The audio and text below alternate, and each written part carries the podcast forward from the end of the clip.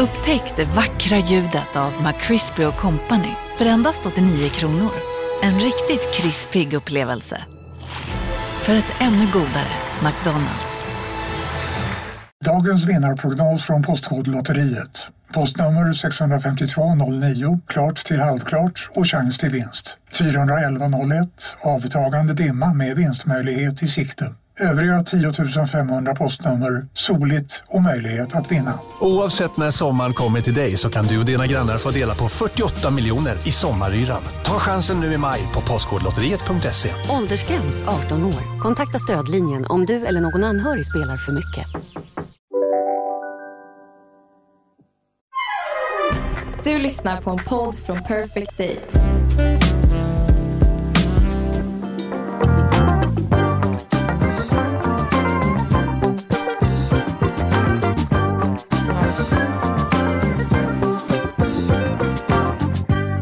Men älskade Jessica, Hello älskade Hanna. hej, hur mår du nu? Det tror jag att liksom alla undrar. Vi har ju hörts lite under veckan off record, men du måste ge oss en uppdatering.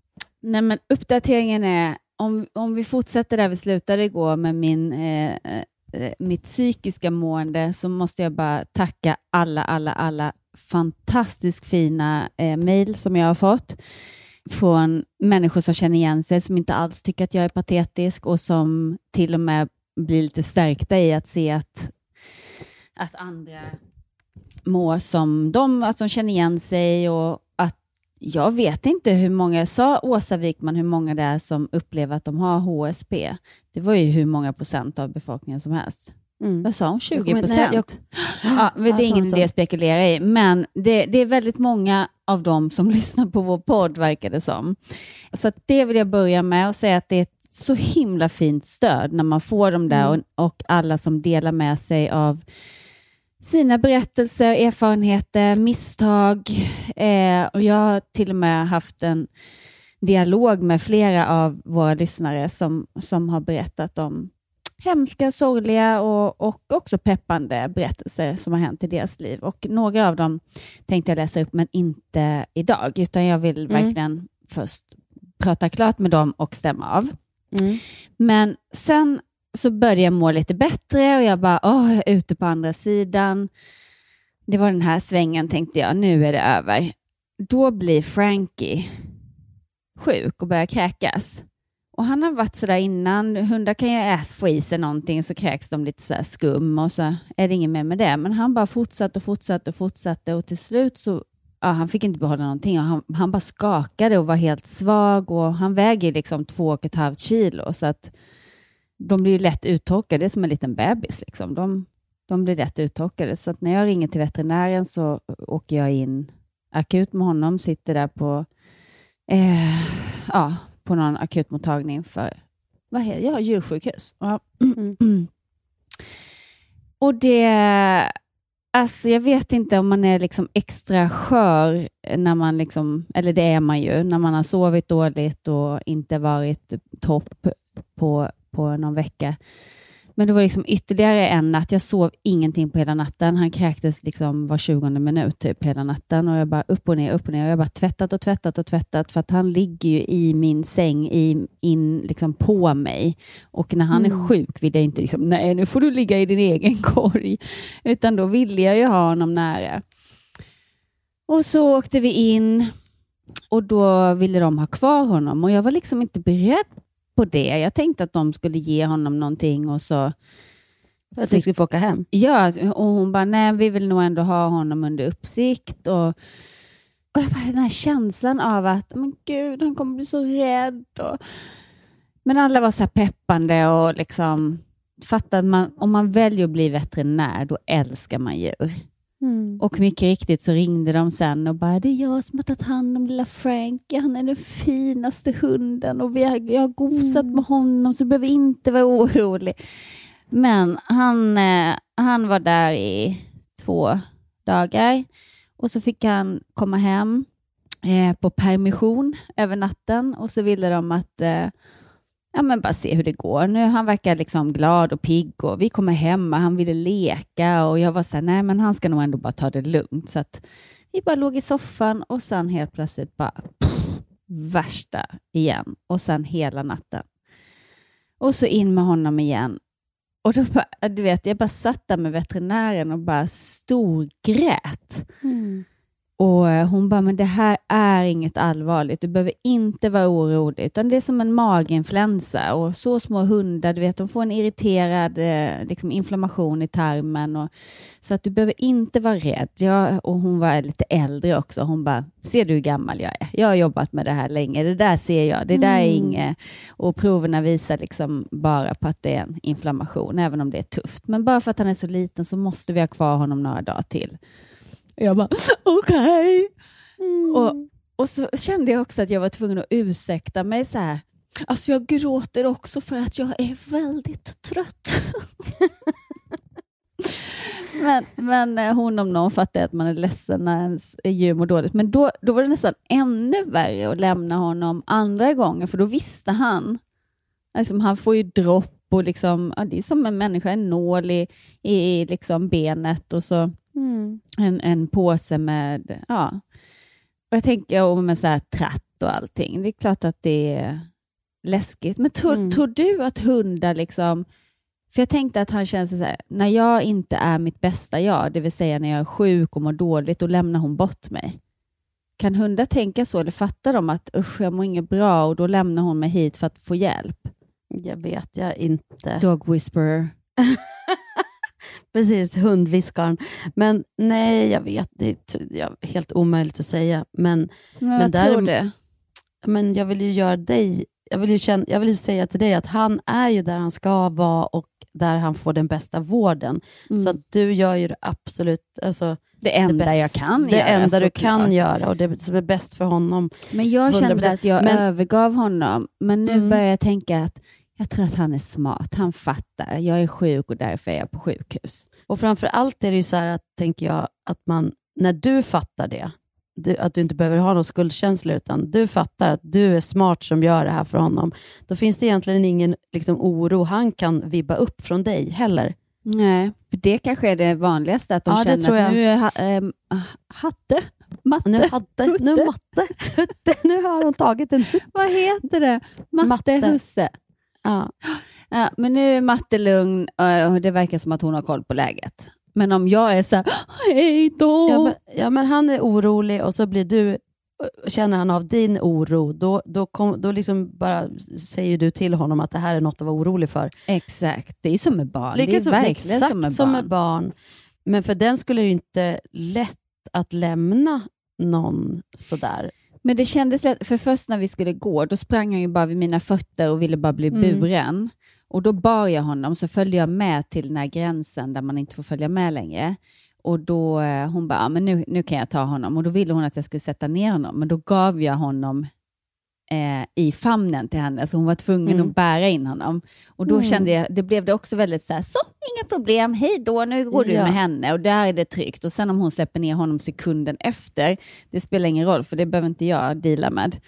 Nej. Sen är det så här, jag tänker, det, det är det här som är så fantastiskt eh, med banden man får till djur. Har man inte haft djur, då förstår man ju inte den här liksom, enorma kärleken och personliga kemin som det blir och hur de blir en person. Ja, men jag tänker bara där liksom hur man jag förstår verkligen att det är jobbigt. Sen kan ju någon annan, säkert man kan lyssna och bara, men herregud, det är bara en hund, det är ett djur. Eller de som har djurhållning på ett annat sätt. Liksom. Men jag, jag har känt så med alla mina djur, att man blir så himla nära, så att det blir som barn. Vi skaffade ju hund före vi fick barn. Eh, en bichon havanäs, han hette Elling. Och eh, jag hade ju med honom på teatern. Ja, jag kommer ihåg det på Ja. Intiman. ja, Så typ- gullig. Ja, han var så gullig. Det är 20 år sedan och jag gick i valpkurs och gjorde alltihopa. Och så bodde vi då i, på, eh, i Vasastan högst upp, sju våningar upp. Och så blev jag gravid och då var han ett och ett halvt ungefär.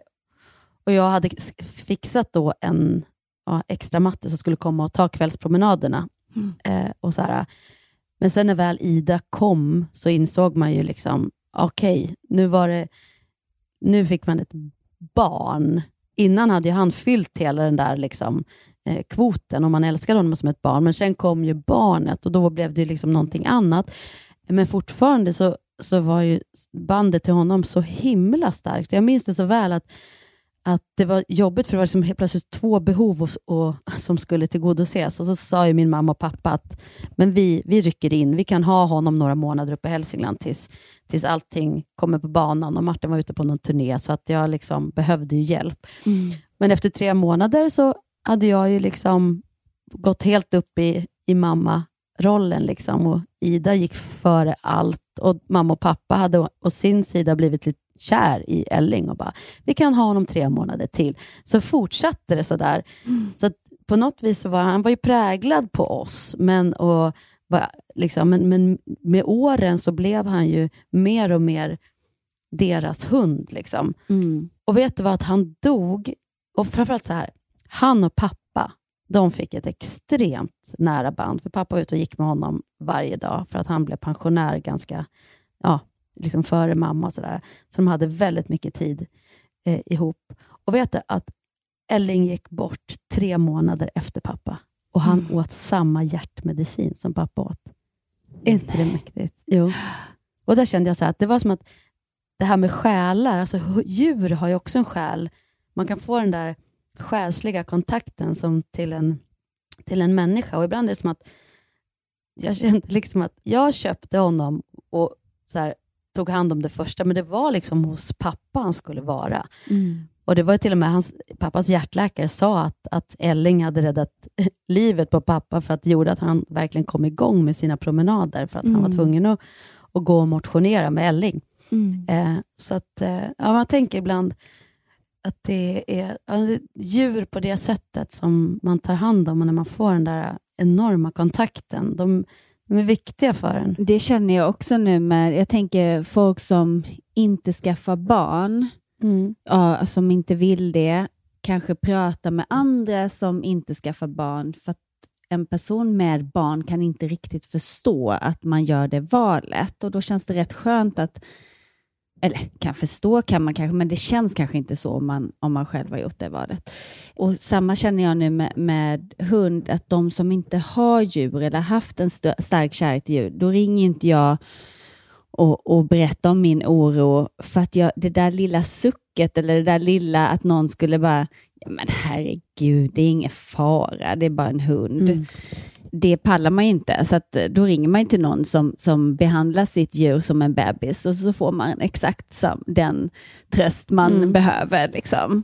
Men känner du dig orolig nu för honom? Alltså, vet de vad det är som är fel? Eller? Nej, de vet ju inte, men de verkade väldigt säkra på att det bara eh, inom situationstecken är en inflammation i tarmen. Och jag bara, men var kommer det ifrån? Alltså, vi behandlar symptomen Eh, så att de vet inte riktigt varför man får det och det kan vara virus och det kan vara bakterier, det vet de inte. Så nu skulle han få någon spruta som skulle göra att han skulle sluta kräkas och sen så skulle de göra ett nytt ultraljud. För tydligen så, de gör ultraljud för att se att det inte sitter fast någonting, att han har ätit mm. någonting, men han är inte en sån som äter massa konstiga saker, liksom, utan han, han är ganska försiktig så. Eller som vissa eh, hundar som äter upp sina leksaker och så måste man operera ut det sen. Mm. Han, han, är inte så alls liksom, bitig. Men det man, kan, man kan missa det på ett ultraljud, att det är någonting som sitter fast. Det kan ju vara vad som helst. Liksom. Hårboll, mm. I don't know. Men eh, då skulle de göra ett nytt ultraljud och eh, för på ultraljud ser man liksom att tarmen är svullen. Väggarna är liksom svullna och beroende på hur svullna de är så kan man avgöra hur illa eller liksom stark inflammation är eller vad man nu ska säga. Men hon, eh, veterinären idag som jag lämnade hos var väldigt så här, jag har jobbat länge, du behöver inte vara orolig, men vi behöver ha honom kvar för att han måste få i sig vätska och det kan mm. inte du göra hemma. Så nu känner jag mig inte alls orolig. Jag, jag, tycker det är nästan lite skönt att han är där. Mm. För att det var en pers att liksom gå upp med honom så mycket och han kräks ner allting och man, blir bara, man känner sig helt hjälplös. Liksom.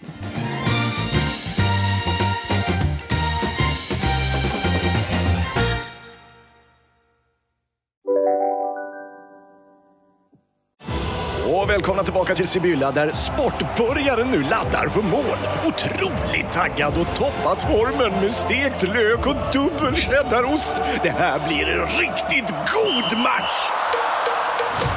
Sportbörjare, ett original i godaste laget. Från Sibylla. Nej. Dåliga vibrationer är att gå utan byxor till jobbet. Bra vibrationer är när du inser att mobilen är i bröstfickan. Alla abonnemang för 20 kronor i månaden i fyra månader.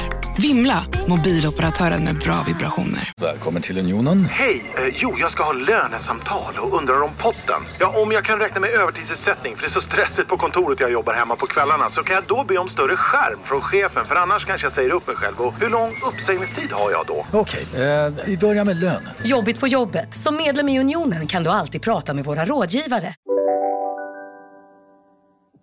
Det är så intressant att vi börjar prata om det här nu med, med djur och vad de har be, betytt för en och att man kan ibland känna att de har verkligen den här själen som kommer och, och pratar till en. Jag såg en sån intressant eh, överskrift på någon av, av eh, så här, kvällstidningarna, att det var någon forskare som hade forskat på att vi har själsfränder, att vi kan möta liksom en till flera, fem själsfränder under en livstid. Jag tyckte det lät så spännande, för då är det lite som att så här, det andliga, andligheten börjar komma in i lite så här, ja, andra kanaler än bara kanske i liksom andliga böcker eller tidskrifter.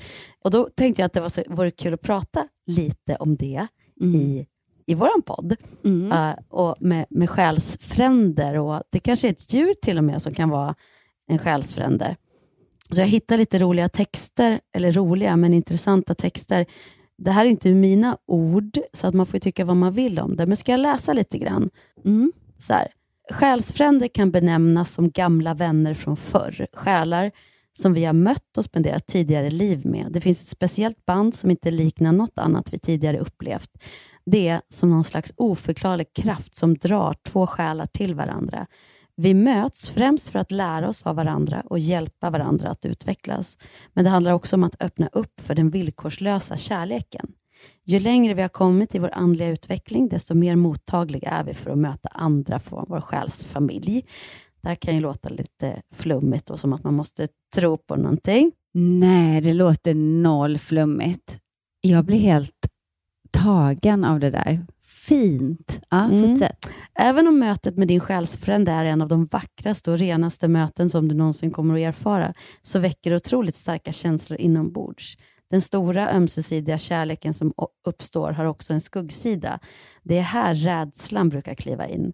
Många av oss har bagage som vi bär med oss sedan gammalt och som vi har glömt att eh, lägga oss av med längs vägen. Det innebär inte bara våra erfarenheter utan framför allt de känslor som följer med oss som vi kanske trott inte längre fanns kvar. Sårade känslor, sorg och kanske ilska. Det kan grävas så djupt inom oss att det till och med dyker upp känslor från tidigare liv. Och Det här är inte jag som påstår det, men jag tror att man inte bara lever det här livet, men det behöver man inte tro på. Eh, vi behöver säga. heller inte ursäkta oss vad vi Nej, tror. vi, vi, vi tror det. Mm. Ja. Men det som väcks allra starkast är just rädslan. För samtidigt som vi inser vad det är vi kan få, så förstår vi också vad det är vi kan förlora. Ofta så är vi heller inte medvetna om vårt eget värde och tampas med dålig självkänsla. Och Eftersom vi inte ser hur värdefulla och älskvärda vi är, så har vi svårt att förstå hur någon annan kan se det. Vi känner oss helt enkelt inte värda denna fantastiska människa. Det är precis det här själ själsfränder är menade att hjälpa oss med. Att lära oss älska oss själva villkorslöst för att sen kunna ta emot den kärleken av någon annan. Dessa möten sker alltså främst för att få oss att växa och ger oss lärdomar om oss själva, att se vår egen storslagenhet och bygga upp vår självkärlek. Det kan i första taget verka som att det handlar om denna människa vi just mött, som fått vårt hjärta att klappa så starkt och vi fastnar så lätt i, i den här starka attraktionskraften och virvelvinden av känslor.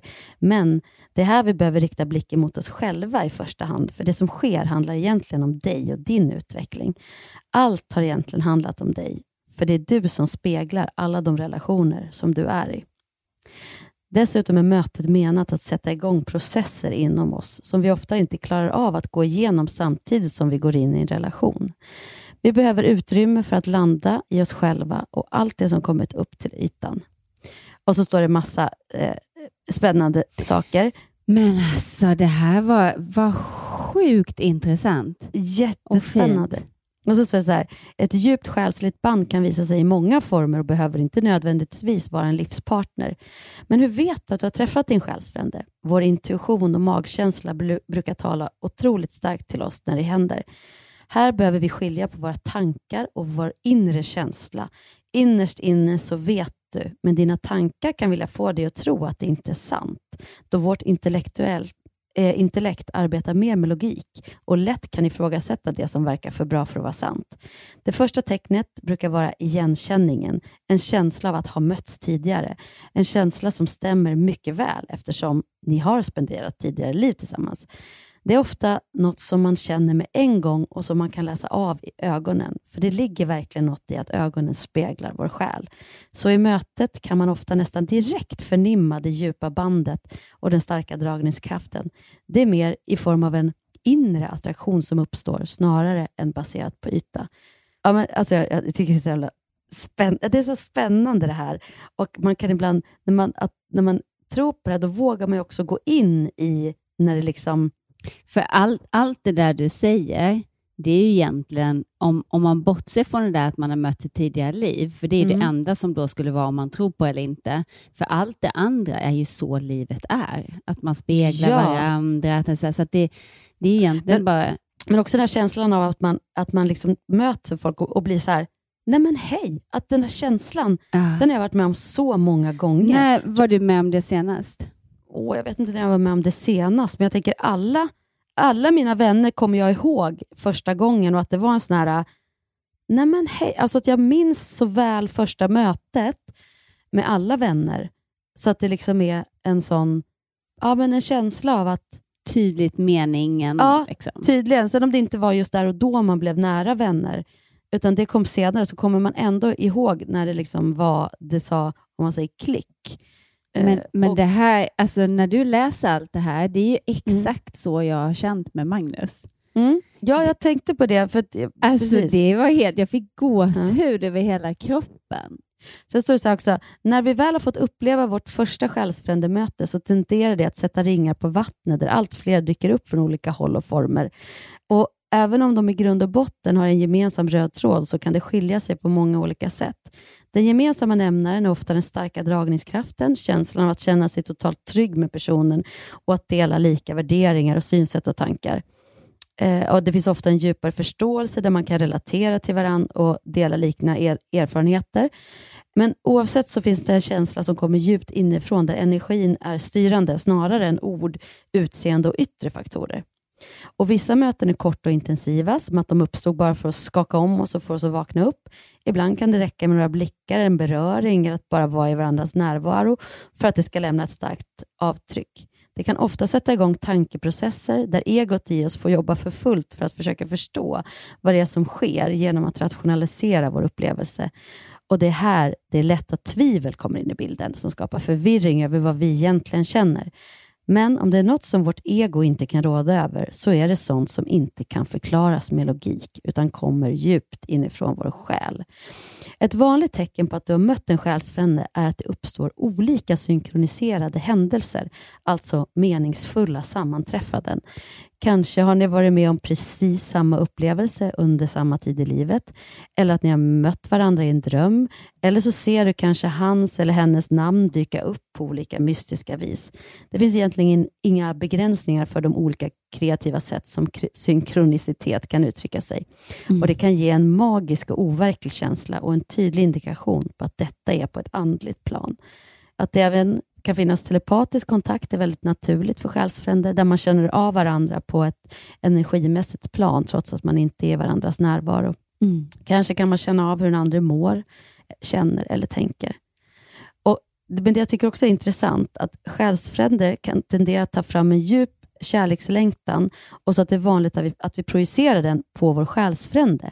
Men en viktig lärdom som dessa möten ger är att inte bli beroende av vår omvärld och fästa oss vid att finna kärleken hos andra människor, utan att lära oss finna kärleken och ljuset i oss själva först. Detta kan vara en smärtsam process då lärdomen kan upplevas som ett starkt svek i form av att vår själsfrände tar avstånd från oss, samtidigt som vi målar upp en vacker kärlekshistoria av relationen. När det finns en obalans så uppstår Vänta, det... vänta, du, nej, läs Ja. inte så fort. Den där sista, så när du har hittat själs eh, och sen lämnar, låt säga att den backar lite, då är det för att du liksom tappar bort dig själv lite, om man ska översätta Ja, eller, det. eller om man tänker att lärdomen är att, att, inte finna ljuset, nej, att inte tappa bort sig själv och börja tro att det handlar om den andra personen. Bara, alltså, utan det fortfarande handlar om att lära oss att finna kärleken och ljuset i oss själva. Mm. Då kan det vara en smärtsam process, då lärdomen kan upplevas som ett starkt svek i form av att vår själsfrände tar avstånd från oss, samtidigt som vi målar upp en vacker kärlekshistoria av relationen. Och egentligen, och då, då kan det finnas, då, då är det ofta uppstå stå sådana katt och råtta-lek, där den ene flyr och den andra jagar. Men det är egentligen en slags flykt för båda parter, även om den uttrycker sig på olika sätt. För även den som jagar flyr från sig själv genom att söka efter svar hos någon annan. Men när vi har lärt oss det, ska, vi ska varandra, så brukar vi oftast vandra vidare på olika vägar i livet. Och då kan också dragningskraften i vissa fall avta. Men själsfränder kommer såklart också in i vårt liv för att stanna, i form av en livspartner eller kanske som en nära vän, för att vi ska få uppleva den villkorslösa kärleken tillsammans. Och så sen att, de, att det står att själsfränder kan vara väldigt komplexa och svåra att få att fungera beroende på hur långt vi har kommit i vår egen utveckling. Eftersom en så pass djup kärlek kan väcka så mycket inom oss och spegla våra ömma punkter och gamla sår och rädslor, så kan det skapa blockeringar som försvårar att våga se närma varandra och visa sitt sanna jag. Ja, det, det, det är mycket text här, men, där, men det jobbiga processerna som kan uppstå med våra själsfränder handlar som sagt om vårt ego som ställer sig i vägen. Och när vi har byggt upp en trygg grund i oss själva och släppt taget om våra barriärer så finns det ingen anledning till att det inte kan bli en fantastisk kärleksrelation. Så själva syftet med dessa själsliga möten är ju för att komma till den punkten där vi kan få vila både i kärleken till oss själva men också till andra människor. Så oavsett utmaningarna så är det det vackraste och djupaste formen av kärlek du någonsin kommer att få uppleva. Alla själsliga band är unika på sitt sätt, precis som alla vi människor är unika. Men oavsett så har de alla ett, en enormt viktig roll i vårt liv. De efterlämnar livsviktiga insikter om oss själva, men kan också hjälpa oss att finna pusselbitar som leder oss på rätt livsväg och öppna upp en helt ny värld. Kanske hela vårt livskall. Um, Wow för det står också så att just att när det, när det kommer så, så någon så är det oftast att det kanske är, okej, det här trodde jag aldrig att jag skulle känna för den här typen av människa. Mm. Och så vidare. Och Det är också fint i det här, eh, när man till exempel då har upplevt svek, eller liksom att, att tänka att det faktiskt finns här en mening och känsla av att man kanske har lärt varandra klart, eller det var precis det här man skulle gå igenom för att kunna lära det här om sig själv som man har fått eh, lära sig. Ja, jag tyckte att jag, jag blev inspirerad av den här ex- texten jättemycket och Jag jag, med. jag vill att det ska vara så här. Så här magiskt vill jag att livet ska vara och jag tror på det, för jag tycker verkligen att jag har varit med om det så många gånger. Här står också, ofta brukar dessa inne, möten innebära en större andlig utveckling, som ett andligt uppvaknande som totalt omkullkastar den bild du hade av dig själv och livet förut. Det blir som en rivstart på en ny resa inom dig själv och i livet. Så det är bara att omfamna allt som sker och ta till dig alla lärdomar och insikter som det medför. Allting kommer att falla på plats så småningom och är menat att hjälpa dig att finna vägen hem igen till ditt sanna jag och att våga börja lyssna på din inre röst och följa ditt hjärta. Precis, och den, den kan ju vara det viktigaste av allt Det är ju det. i det här. Att, är ju att det. Man, man pratar så mycket om att man ska hitta den rätta och den rätta är väl en själv, tänker jag. Ja, och det har vi pratat om förut. Varför är det så svårt för människor? Vi alla, det svåraste vi har är liksom att, att, att börja älska oss själv. Vi, liksom, vi älskar våra barn, våra föräldrar har älskat oss så mycket de har förmått. Liksom. Men det är ändå svårt att, att sen kommer man ju, alla kommer till en punkt där man måste börja älska sig själv, tycka om, Mm. vårda sig själv, ta hand om sig själv. Eh, och det är liksom den Det svåraste kan låta utmaningen. så enkelt, så här, men jag tar hand om mig själv, så här, men när man verkligen börjar skrapa lite på ytan så är det väldigt ofta vi flyr från oss själva. Och, Mm. och, och som vi har pratat om tidigare också, att man saker man gör och tänker och säger till sig själv skulle man aldrig komma på tanken att säga eller tänka om någon annan. Nej. Nej, men jag är så sugen nu på i vår att, eh, att åka upp igen till den här kursgården där både du och jag har varit. Jag Mm. vill verkligen det. Och gå steg två. Jag vill Mm. verkligen det. För när jag kom därifrån, då kände jag en sån verkligen självkärlek.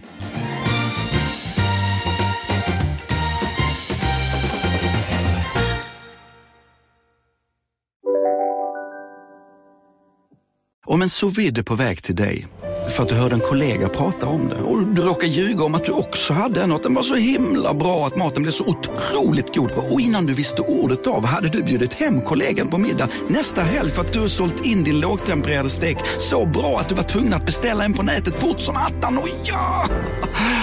Då finns det i alla fall flera smarta sätt att beställa hem din sous vide på. Som till våra paketboxar, placerade på en plats nära dig och tillgängliga dygnet runt. Hälsningar Postnord. Du, åker på ekonomin. Har han träffat någon? Han ser så happy ut. Var det onsdag? Det är nog Ikea. Vadå, dejtar han någon där eller? Han säger att han bara äter. Ja, det är ju nice där alltså. Missa inte att onsdagar är happy days på IKEA. Fram till 31 maj äter du som är eller blir IKEA Family-medlem alla varmrätter till halva priset. Välkommen till IKEA. Hej, Susanne Axel här. När du gör som jag och listar dig på en av Krys vårdcentraler får du en fast läkarkontakt som kan din sjukdomshistoria. Du får träffa erfarna specialister, tillgång till lättakuten och så kan du chatta med vårdpersonalen. Så gör ditt viktigaste val idag, lista dig hos Kry.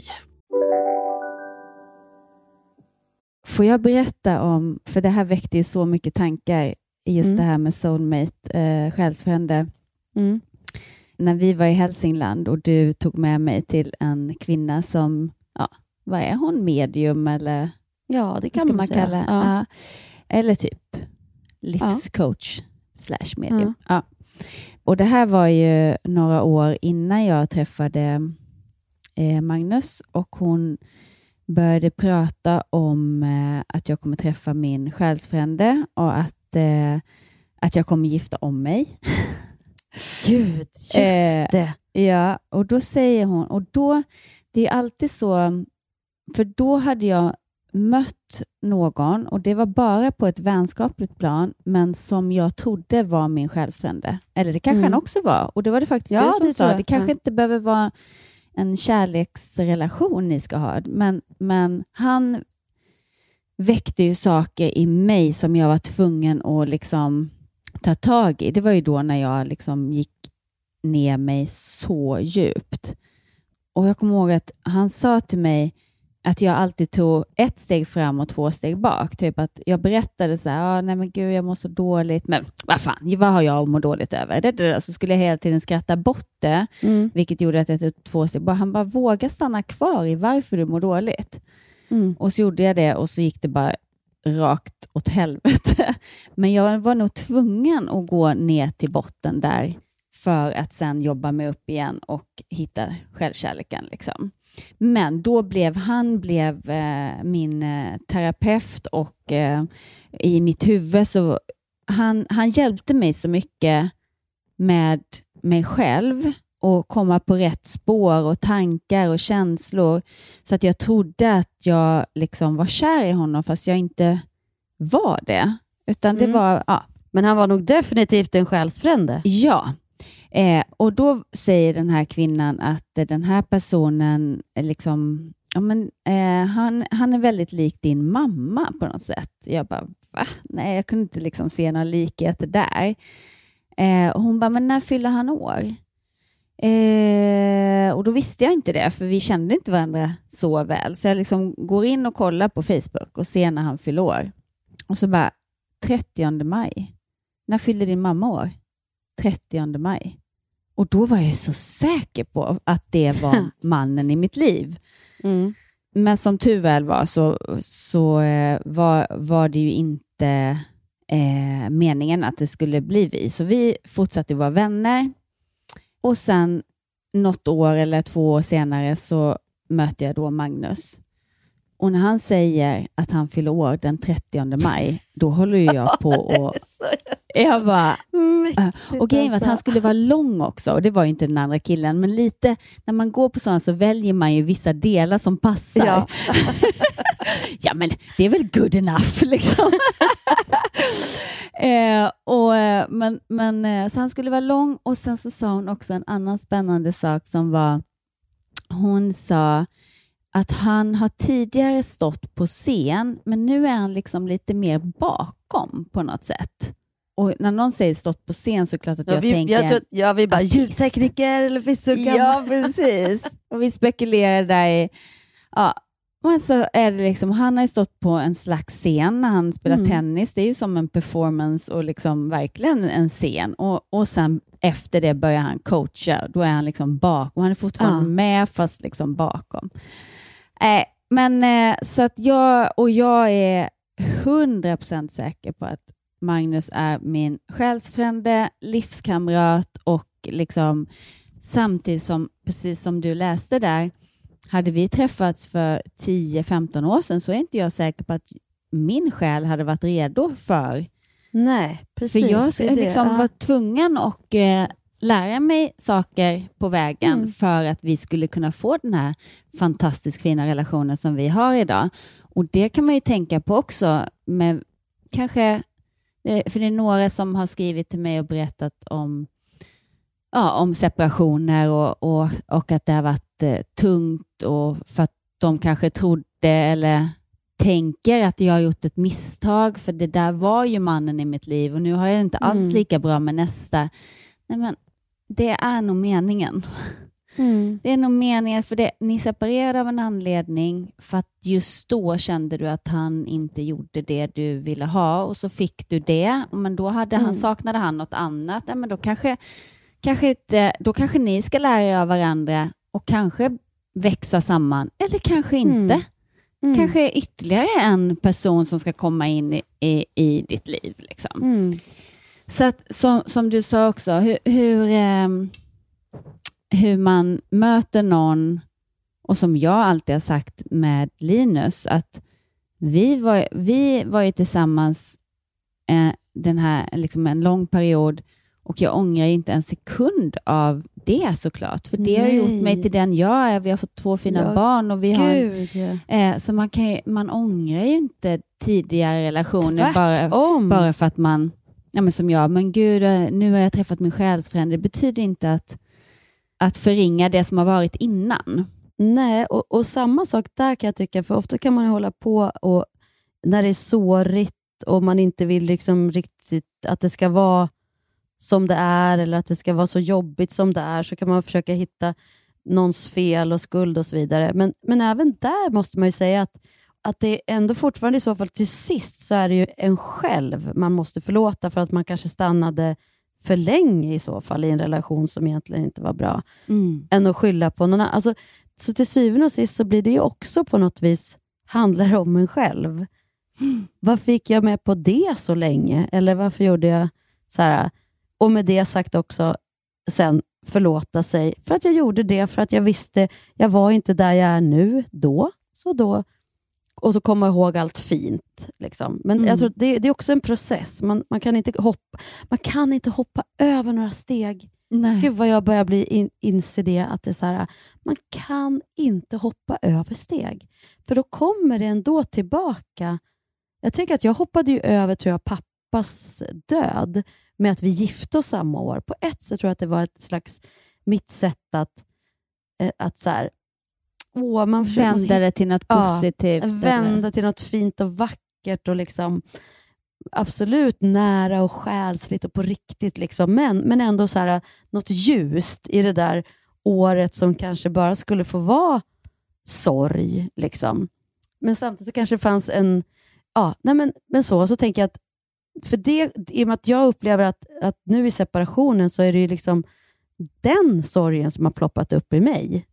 Och hur, hur kan du särskilja dem, liksom den sorgen? För det tänker jag kan vara svårt. Ja, vad men som nej, är men det- vad. Ja, nej men det gör man ju inte till en början. Det gör man ju när man går i terapi, tänker jag. Att man fundera på, så här, är det lilla Hanna nu som saknar sin pappa som är ledsen, eller är det den vuxna Hanna som, som vill någonstans separera, är väl inte så här ledsen, utan nu är det lilla Hanna som Mm. liksom är rädd att klara sig själv. Mm. Vuxna Hanna borde ju inte... Hon vet att det här kommer att bli bra. Mm. Så att, men det, det behöver man ju gå i terapi för, tror jag, för att liksom separera vad som är vad. Och Därför är det ju viktigt, tänker jag, i separation, men även om man, om man har en stor förlust. Jag menar, pappa var ju liksom en jätteviktig person i mitt liv. Vi hade ju en jättenära relation. Mm. Och att när han dör så är liksom, har jag småbarn och en är 11 och en är 8. Jag har ju barn. Ja, det var så många behov att ta hand om så jag hann ju liksom inte riktigt... Eller det kan man ju inte heller. Man kan ju inte gå ner sig själv helt och hållet. Men liksom att låta den, där, den processen också ha sin gång. Liksom. Upplevde du att du var tvungen att pausa Vad menar du? Pausa sorgen? Ja. Nej, men jag, upp, jag tror att jag, har, jag är ju en sån som ser lösningar och jag, jag kände ju plötsligt i all den här sorgen så, var jag så, så kände jag sån tacksamhet över allt jag hade. Det går ju nästan, tycker jag, att eh, liksom likna det vid när man fick barn, att man hamnar i den här bubblan, att man är så närvarande när ett nytt barn kommer. Samma sak när någon har försvunnit som har stått en nära, att det blir, man blir otroligt så här, i nuet. Mm. Och eh, jag absolut sörjde, och liksom, men, men kanske ändå att Ja, men det jag menar att, att kommer en, en till kris ganska nära inpå som liksom drog upp saker. Liksom. Mm. Och jag var nog ledsen för det liksom, innan ändå liksom, och blandade Mm. ihop. Ja. Mm. Men med det sagt, sagt så hade jag inte kunnat gjort på något annat sätt. Det är det jag menar. Allting är... Jag sörjde som jag kunde då. Man vet inte heller hur man sörjer förrän man drabbas av en väldigt stor förlust. Det är först då man vet att jag också kände mig, som jag sa, jag kände mig lyckligare än på länge också, för jag var så oerhört tacksam Mm. över allt jag hade. Så att, att den här känslan av att vilja gifta sig var ju så sann, för det Mm. var också så lycklig som, som man kände sig Mm. i all sorg. Men jag tänker att så här, all, det är det med att allting, man kan inte se det när man är mitt i, men när man kommer ur saker så kan man ändå se sammanhang och samband. Och nästa gång det händer så kanske man har, bara, har man ju en erfarenhet och lite mer förståelse för sig själv. Men det kommer ju att komma nya lärdomar de- under den krisen också. Liksom. Ja, såklart. Såklart. Och det är det som gör livet spännande att leva, för att man vet att det hela Ja. tiden kommer nya lärdomar. Men däremot att, att det, det som man kan ha, vara hjälpt av, det är att det kommer i alla fall att gå fortare ju snabbare man hamnar hos sig själv och inte är...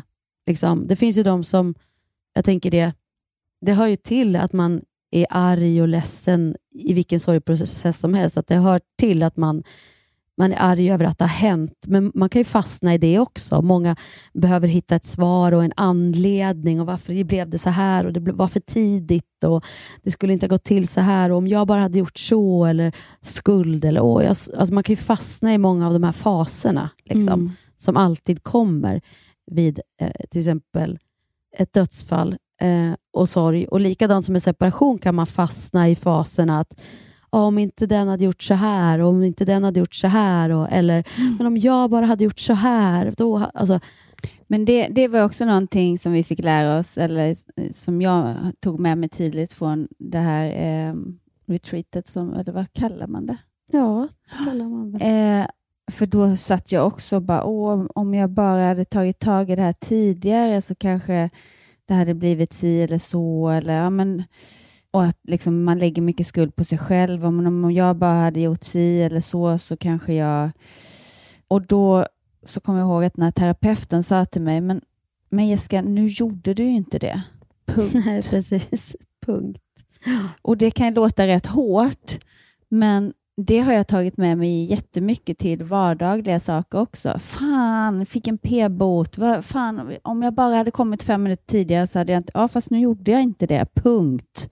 Mm. Eh, och eh, eftersom vi båda är ältare av rang så är det rätt bra att ta till den där ibland. Ja, Mm. men nu gjorde jag inte det, punkt. Ja, men nu blev det inte så, punkt. Ja, men så gjorde den personen, punkt. Jag kan inte, det man inte lägger så mycket energi och tankar och ältande kring saker du inte kan förändra. Sen kan man älta liksom saker hur man vill förändra saker i framtiden eller hur, åh, jag måste bli bättre på det här och det här. Det, det är okej att kanske älta eller bearbeta eller processa eller prata om. Liksom. Mm. Älta har så negativ klang. Det kan ju också vara ganska givande att, som vi när vi har våra, men hur tänker du kring det och att man får ventilera, skulle jag kalla det istället. Men jag typ måste det, för det är, som- det är, som, en det är som att andas. Mm. Typ, då kan jag känna att Åh, gud, nu kan jag andas, jag hör vad jag tänker, men jag vill ju också bli ifrågasatt och jag har ju blivit lyhörd på det här när man börjar älta samma saker. Men vet du vad jag tror? Det, det Nej. slog mig nu. Men skulle man inte kunna säga att, att älta har en negativ klang, men ska vi, ska vi döpa älta till det som har varit, som vi inte kan förändra? Ja. Och ventilera är saker som händer hela tiden, pågående i nuet, som vi Ja. kan förändra, men vi vet inte riktigt hur. Det måste Ja. vi ventilera. Ja, för att man behöver ju så komma till eh, så avslut. Att så här, Mm. Det som har hänt, det har hänt. Punkt. Mm. och det hände. Punkt.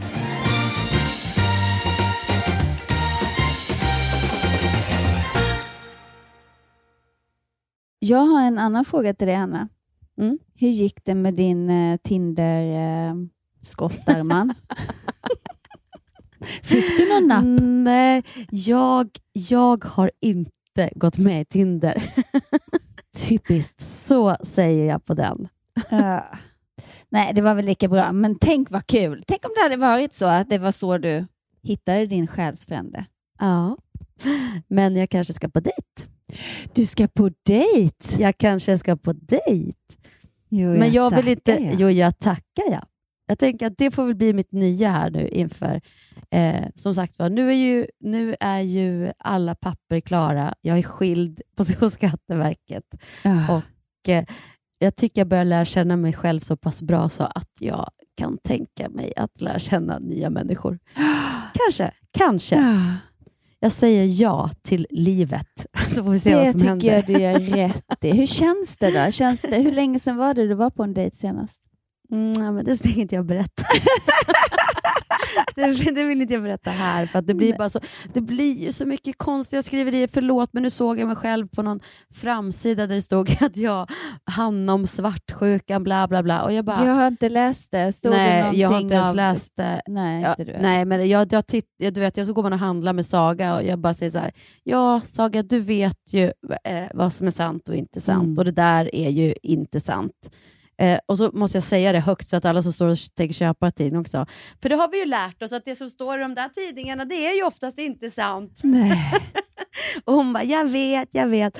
Eh, nej, men de hade klippt ihop, när vi pratade här i podden om att jag blev svartsjuk eh, några månader under mina graviditeter, har jag ju berättat här. Och att jag annars aldrig är svartsjuk och har varit svartsjuk. Och jag, vi pratade om det, att det var en fruktansvärd upplevelse. Jag tänker att eh, jag kommer, jag kommer all, om jag skulle märka att jag blev svartsjuk, då tänker jag att då är det ingen bra relation man är i. För att den känslan var verkligen ingen...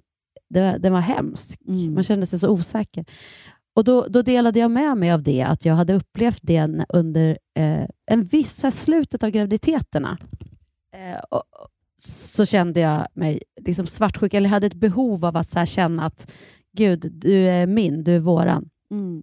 Nu hade de klistrat ihop det med något annat. Som de gör. Ja, som de gör. Eh, så att jag menar, ja, whatever. Men, men med det sagt så kan man ju ibland känna att det är lite synd att det blir sådana. Men då får ni lyssna här och så får man berätta så mycket som man kan berätta. Ja, och så kan vi också säga att tidningarna får inte skriva om det vi pratar om här. Nej, för det här nej. är vårt. Det är vårat. Ni får inte skriva om det som står här. Säg så. Så säger vi. det är som står. Och jag har en, en annan shout-out, eller vad fan Ja. heter det? Nå, eh, jag har ju problem med allt tekniskt i eh, vårt hem. Mm. Häromdagen så skulle jag och Colin åka och köpa en ny sån här PS5-kontroll så han kan spela Fifa. för vi, och koppla in det till datorn här, för det går tydligen. Och så åker vi till Täby centrum, eh, köper en sån kontroll, kommer hem. Det funkar inte för att man behöver en, en donger. Aha, så, och de sa att, att den låg i, att det ingick en sån. Det gjorde det inte. Så vi åker tillbaka, köper en donger, åker tillbaka Vad är, igen. vad är en donger för något? Ja, en grej man, som ska då känna av någon så här, koppling. Någon man sätter i datorn så att den, det är bara en sladd som tar upp signaler från typ. Och jag, det heter sig donger, dongel, något, något sånt. Ni, kommer, ni som vet kommer skratta åt mig nu, men i alla fall. Åker tillbaka, bara, det ingick inte någon sån. Så då köper jag en sån, kommer tillbaka, funkar fortfarande inte, åker tillbaka igen. Jag bara, jag ska inte ge mig, för jag märker ju också att Colin blir väldigt ledsen Mm. och frustrerad. Så jag bara, nej, vi ger oss inte, vi åker tillbaka igen. Och bara, ja men då gör ni bara så här, så här fast ni behöver ju ingen donger, alltså det är ju bluetooth, alltså den ska ju känna av ändå.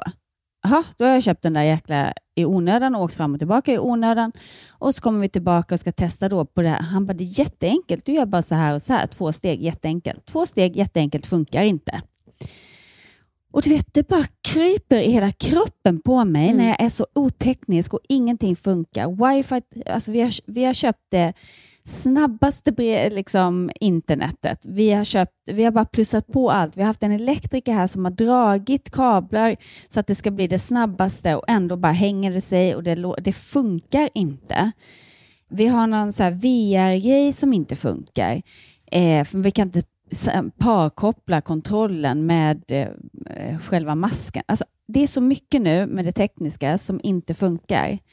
Så det jag känner är, hade inte du någon som kom hem till dig och bara styrde upp allt sånt där tekniskt? Jo. Och om det är någon där ute som vet att jo, jo, jo, de bästa är de här och de här, snälla DMa mig så att jag bara kan få ta hit någon som får allt tekniskt att funka i det här huset innan jag Mm. Shoot myself. Ja, ja alltså jag, jag kan bara säga det att, att sen han var här så har ju, alltså jag, det är nästan ett år sedan och det har ju funkat i ett års tid. Så att det var ju helt fantastiskt. Nu jobbar ju inte han med det, utan det var en kompis kompis Ja, som det är hjälpte det. mig. De där kompisarnas kompisar, ring oss. Mm. Ja, men Ja. Då, då efterlyser vi det och eh, ja, jag behöver ingen som kommer att skotta, för nu har ju snön smält. Ja. Och du, lycka till Ja. på dejten. Ja. Jag vet. Och varför sa jag det? Nu känns det som att det blir en stor grej. Men, eh, Nej, ja. för de får inte Nej. skriva om det, det har vi sagt. Ja. Livet, livet, livet. Det är spännande. Livet. Have fun. Det var gött att leva. Annars kan det kvätta. Puss darling. Du, puss darling. Hej då. Mua. Hej då. Nej, vi sitter inte i Paris på ett café inte på en nattklubb eller bar i Saint-Tropez. Och vi springer inte runt i Thailand och letar. Vi sitter bara här och metar. Det ska vara gött att leva Annars kan det kvitta. Fint att leva Annars kan det kvitta. Lätt att leva Den här podcasten är producerad av Perfect Day Media.